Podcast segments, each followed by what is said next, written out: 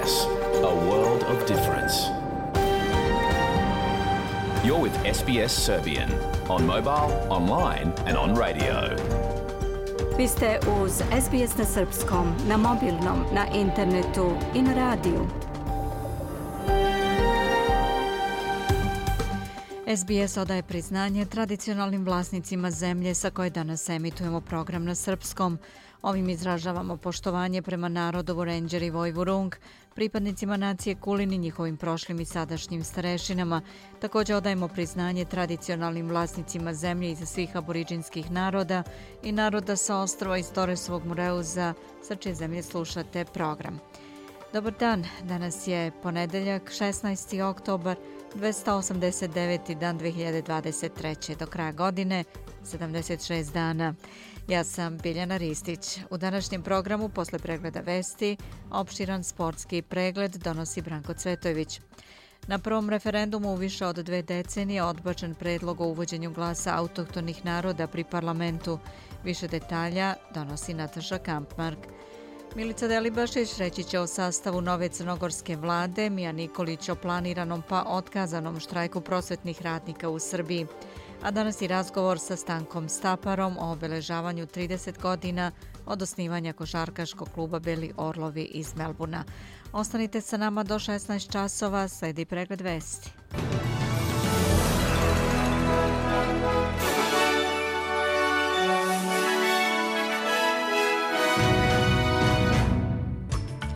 Skoro 60% birača na referendumu odbilo glas autohtonih naroda pri parlamentu. Vlada razmatra zašto.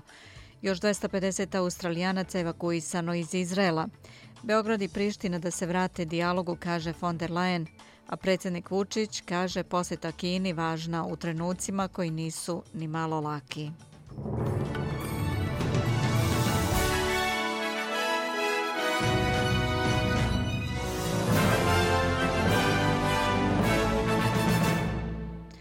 Ministarka životne sredine Tanja Pliber se kaže da će Savezna vlada ispitati razloge zbog kojih je većina australijanaca glasala protiv glasa autohtonih naroda pri parlamentu. Skoro 60% birača odbilo je glas. It was a very disappointing result and there's no two ways about it. It was Um, but like I say, it was a rejection of. Gospođa Plibersek je za Kanal 7 rekla da ovaj rezultat ima više veze sa načinom na koji je postavljeno pitanje australijskom narodu, a manje sa njihovim stavom prema autohtonim narodima i da među građanima Australije postoji dobra volja da se smanji jaz između autohtonog i neautohtonog stanovništva, te da je potrebno da se pronađe konstruktivan put za to. Vodeći aktivista kampanje Ne, Warren Mandin, pozvao je premijera Antoni Albanizija da se udubi u stvarne probleme koji utiču na autohtone zajednice. Taj komentar dolazi dva dana nakon što je ogromna većina australijskih glasača odbila na referendumu da se glas unese u Ustav. Gospodin Mandin kaže da je osjetio olakšanje nakon što je saznao rezultate referenduma i da sada savezna vlada može da se fokusira na ono što je zaista važno. You know, the prime minister, he's the prime minister of all Australians. He's got to come out and really have a, a reconciliation. On je premijer svih australijanaca i mora sada da ima pravi pristup pomirenju i da okupi sve strane, tako da počnemo da razmatramo stvari koje treba da se urade da bi se život ovih zajednica poboljšao. Ja čvrsto verujem u to da moramo da uradimo radimo procenu učinka milijardi dolara koje smo potrošili, zašto su neke stvari funkcionisali i zašto većina stvari nije funkcionisala, kaže on. Australijanci su odbirci, odbacili predlog da se izmenom ustava uvede glas autohtonih naroda pri parlamentu. Na istorijskom referendumu održanom u subotu protiv predloga glasalo je svih šest država i severna teritorija. Glas ne preovladao je i na nivou nacionalnog prebrojavanja glasova. O rezultatu referenduma kasnije u programu posle pregleda vesti. Savezna vlada je objavila novi okvir prema kojem će se usmeravati ishod naseljavanja izbeglica u Australiju. Tokom njegovog postavljanja vlada je identifikovala nekoliko oblasti koje su ključne za uspešnu integraciju izbeglica u australijsko društvo, uključujući ekonomsko učešće, jezičku i digitalnu pismenost. Vlada se nada da će ovaj okvir dovesti do uspešnog naseljavanja i integracije migranata. Ministar za imigraciju Andrew Giles kaže da je vlada posvećena tome da migrantima omogući da bezbedno postanu članovi australijskog multikulturalnog društva. Australijski parlament osudio je napade militantne grupe Hamas na Izrael. Premijer Antoni Albanizi je podneo predlog u Donjem domu, rekavši da bi članovi doma trebalo da izraze svoju punu podršku Izraelu i jevrejskoj zajednici. Albanizi kaže da bi Donji dom trebalo da nedvosmisleno osudi napade Hamasa na Izrael, nazivajući ih gnusnim aktima terorista koje su uticali ne samo na Izrael, već i na nevine civile među palestinskim narodom. Predlog je već dobio dvostranačku podršku. A još 250 australijanaca je evakuisano iz Izraela jer se tamošnja bezbednostna situacija dalje pogoršava. Ministarka spoljnih poslova Penny Wong kaže da je grupa građana poletela iz Tel Aviva i stigla u Dubaji jednim čarter letom i dva RAF leta. Senatorka Wong kaže da su evakuacije iz Gaze i letovi za repatriaciju i dalje podložni bezbednostnoj situaciji koja se menja iz časa u čas. We are still working uh, on Još uvek radimo na tome, nastojeći da pomognemo onim australijancima koji su trenutno u Gazi. Ovo je veoma teška situacija veoma zastrašujuća situacija i radimo sa međunarodnim partnerima, uključujući Sjedinjene države, Egipat i Izrael, kako bismo pokušali da obezbedimo siguran prolaz za Australijance. Kao što ljudi znaju, situacija u Gazi je izuzetno teška, rekla je ona. Ušlo se u deseti dan sukoba izraelske vojske i Hamasa. Izraelska vojska objavila je novi tročasovni vremenski okvir za civile u Gazi da krenu prema jugu tog područja, dok se priprema za značajnu kopnenu operaciju. Izraelski premijer Benjamin Netanjahu saopštava da će Izrael srušiti Hamas. Pentagon je naredio raspoređivanje još jedne udarne grupe sa nosačem aviona u istočnom sredozemnom moru. Na platovu ispred Filozofskog fakulteta u Beogradu je u nedelju u podne organizovan skup podrške narodu Izraela. Nakon uvodnog obraćanja i čitanja molitve za mir, okupljeni su prošetali do spomenika Pobednik na Kalemegdanu, gde su paljenjem sveća i minutom čutanja odali poča žrtvama napada islamističke grupe Hamas 7. oktobra. Početak skupa obeležilo je čitanje molitve za mir na hebrejskom, potom na srpskom, nakon čega se okupljenim obratio predstavnik organizacije Haver, Brane Popović. Prema njegovim rečima, uspostavljanje mira će biti teško i dugotrajno, ali je moguće uz potpuno hrabrosti, saosjećanja, solidarnosti, snage, odgovornosti, razumevanja i nade, kako je rekao. Predsjednik Srbije Aleksandar Vučić rekao je da je poseta Kini gdje će učestovati na trećem forumu Pojas i put veoma važna u trenucima koji nisu ni malo laki. U oči puta u Kinu Vučić je rekao da će potpisati dokumenta o sveukupnoj saradnji o slobodnoj trgovini što je od posebnog značaja za Srbiju. Najavio je i bilateralne susrete sa predsjednikom Kine Xi Jinpingom. Novo imenovani ambasador Kine u Beogradu Li Ming kaže da veruje da saradnja Srbije i Kine može da bude na još višem nivou prenosi radio televizije Srbije. 我们热烈欢迎也期待塞尔维亚 Srpska strana je dobrodošla da prisutuje trećem forumu za međunarodnu saradnju u pojasi put sa delegacijom na visokom nivou. Verujem da će naše dve strane postići i novi konsenzus u raznim oblastima, kao što su politika, ekonomija i trgovina, kao i kultura, i postići nove rezultate Treći forum za međunarodnu saradnju Pojas i put, koji je značajan međunarodni skup, biće održan 17. i 18. oktobra u Kini. Forumu će prisustovati predsjednici više od 130 zemalja i brojnih međunarodnih organizacija. Predsjednica Evropske komisije Ursula von der Leyen poručila je u Tirani da Beograd i Priština treba da se vrate za pregovarački stoj i ocenila da je sporazum iz Ohrida osnova za pomirenje kroz dijalog uz posredstvo Evropske unije.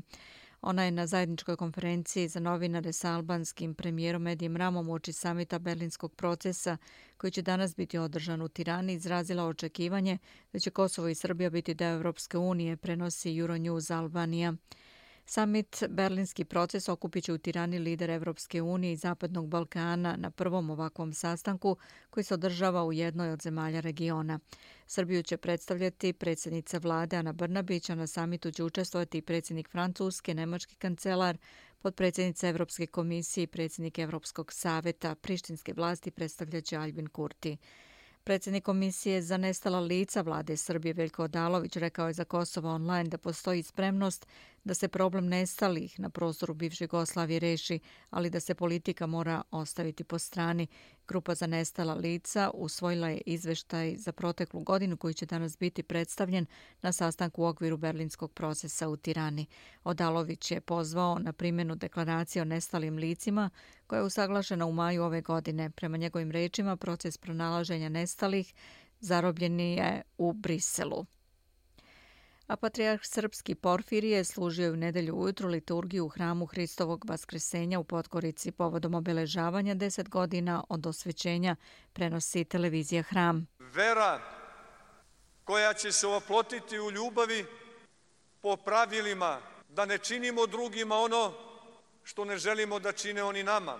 I ovde znamo da govorimo i jezikom Svetoga Save, a to je jezik Evanđelja, da gledamo očima evanđelja, očima Hristovim, da mislimo umom Hristovim.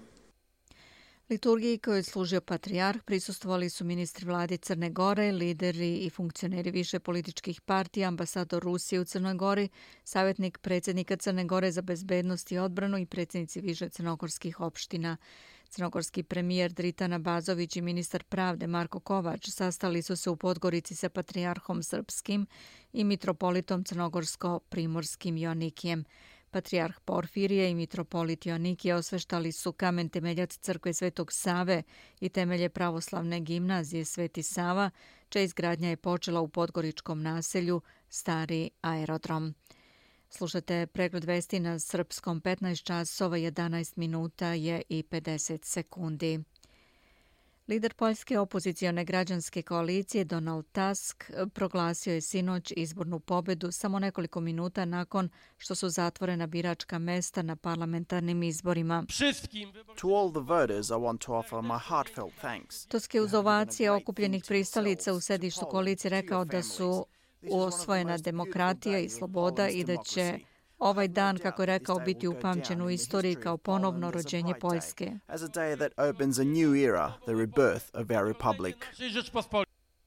Poljska vladajuća stranka Zakon i pravda prednjače na juče održanim parlamentarnim izborima sa osvojenih 36,8 od 100 glasova birača, odnosno oko 200 mesta u parlamentu, pokazala je izlazna anketa Ipsos. Tuskova građanska koalicija je prema toj anketi na drugom mestu sa osvojenih 31,6 od 100, dok je treći, treći put desnog centra sa 13 od 100. Opozicija je zajedno verovatno osvojila 248 mesta u donjem domu parlamenta Sejmu sa ukupno 460 mesta. Ukrajinska kontraofanziva je potpuno propala, rekao je ruski predsjednik Vladimir Putin u intervju za radio Rosija 1. Znam da u pojedinim borbenim oblastima protivnik sprema nove ofanzivne operacije. Znamo to, ali reagujemo u skladu sa time, rekao je ruski predsjednik i dodao da oružane snage Rusije sprovode aktivnu odbranu i poboljšavaju svoje pozicije na skoro celoj liniji dodira specijalne vojne operacije u Ukrajini. Ministarstvo odbrane u Moskvi prijavilo je obaranje 27 ukrajinskih dronova, većinom u ruskom pograničnom regionu Kursk. Prema ukrajinskim izvorima dve osobe su poginule u nedelju od ukrajinskog, odnosno ruskog granatiranja sela u oblasti Harkov u istočnoj Ukrajini. General štab u Kijevu je izvestio o desetinama bitaka u ratnoj zoni. Predsjednik Azerbejdžana Ilham Alijev je održao govor i podigao državnu zastavu u glavnom gradu Karabaha, kojim je potvrđena vlast Azerbejdžana nad tim regionom. Onlar bizi hedeliyirdiler. Neki od onih koji su sedeli u ovoj zgradi su nam pretili. Rekli su da će njihovi tenkovi stići do Bakua. Stigli su, sada su u parku trofeja. Rekli su da će piti čaj u Baku. Sada piju čaj u istražnom zatvoru, rekao je on. Nagorno Karabah, koji se pre 1998. ocepio od Azerbejdžanske SSR i nakon oružanog sukoba sa Azerbejdžanom od 1992. do 1994. Dugi niz godina postojao je kao nepriznata republika, objavio je kraj svog postojanja 1. januara 2024. I na kraju ovog bloka niz strogih mera za ograničavanje ilegalnih transakcija u kriptovalutama u Australiji dobija konkretan oblik, a vlada otkriva sljedeće korake u nastojanju da reguliše digitalnu valutu. Blagajnik Jim Chalmers predstavio je svoj predlog da kripto razmene i platforme za pohranjivanje digitalnog vlasništva podležu postojećim zakonima Australije o financijskim uslugama. Vlada također predlaže da operatori platformi dobiju australijsku licencu za financijske usluge. Platforme koje pohranjuju digitalno vlasništvo pojedinaca u vrednosti preko 1000 i po američkih dolara ili ukupno 5 miliona američkih dolara biće obuhvaćene promenama. Minimalni standardi za digitalnu imovinu, kao što su tokeni, također se razmatraju. Otprilike četvrtina australijanaca posjeduje neku vrstu kriptovaluta. U predloženom dokumentu se kaže da online platforme drže milijarde dolara u digitalnoj imovini i izlažu australijance značajnim rizicima.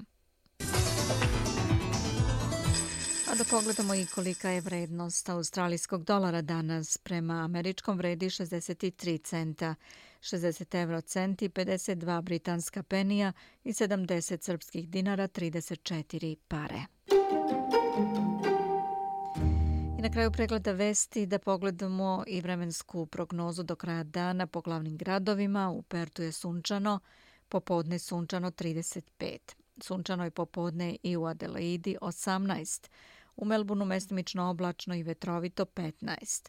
Oblačno i vetrovito sa 11 stepenije u Hobartu. Kambera sunčano popodne 15, Sidney sunčano ali vetrovito 22. Sunčano je u Brisbaneu sa 28 i u Darwinu sa 32. Beograd danas također sunčano vreme, tokom dana do 15 stepeni. Čuli ste pregled vesti na srpskom. Za sve najnovije posjetite sbs.com.au kosacrta news.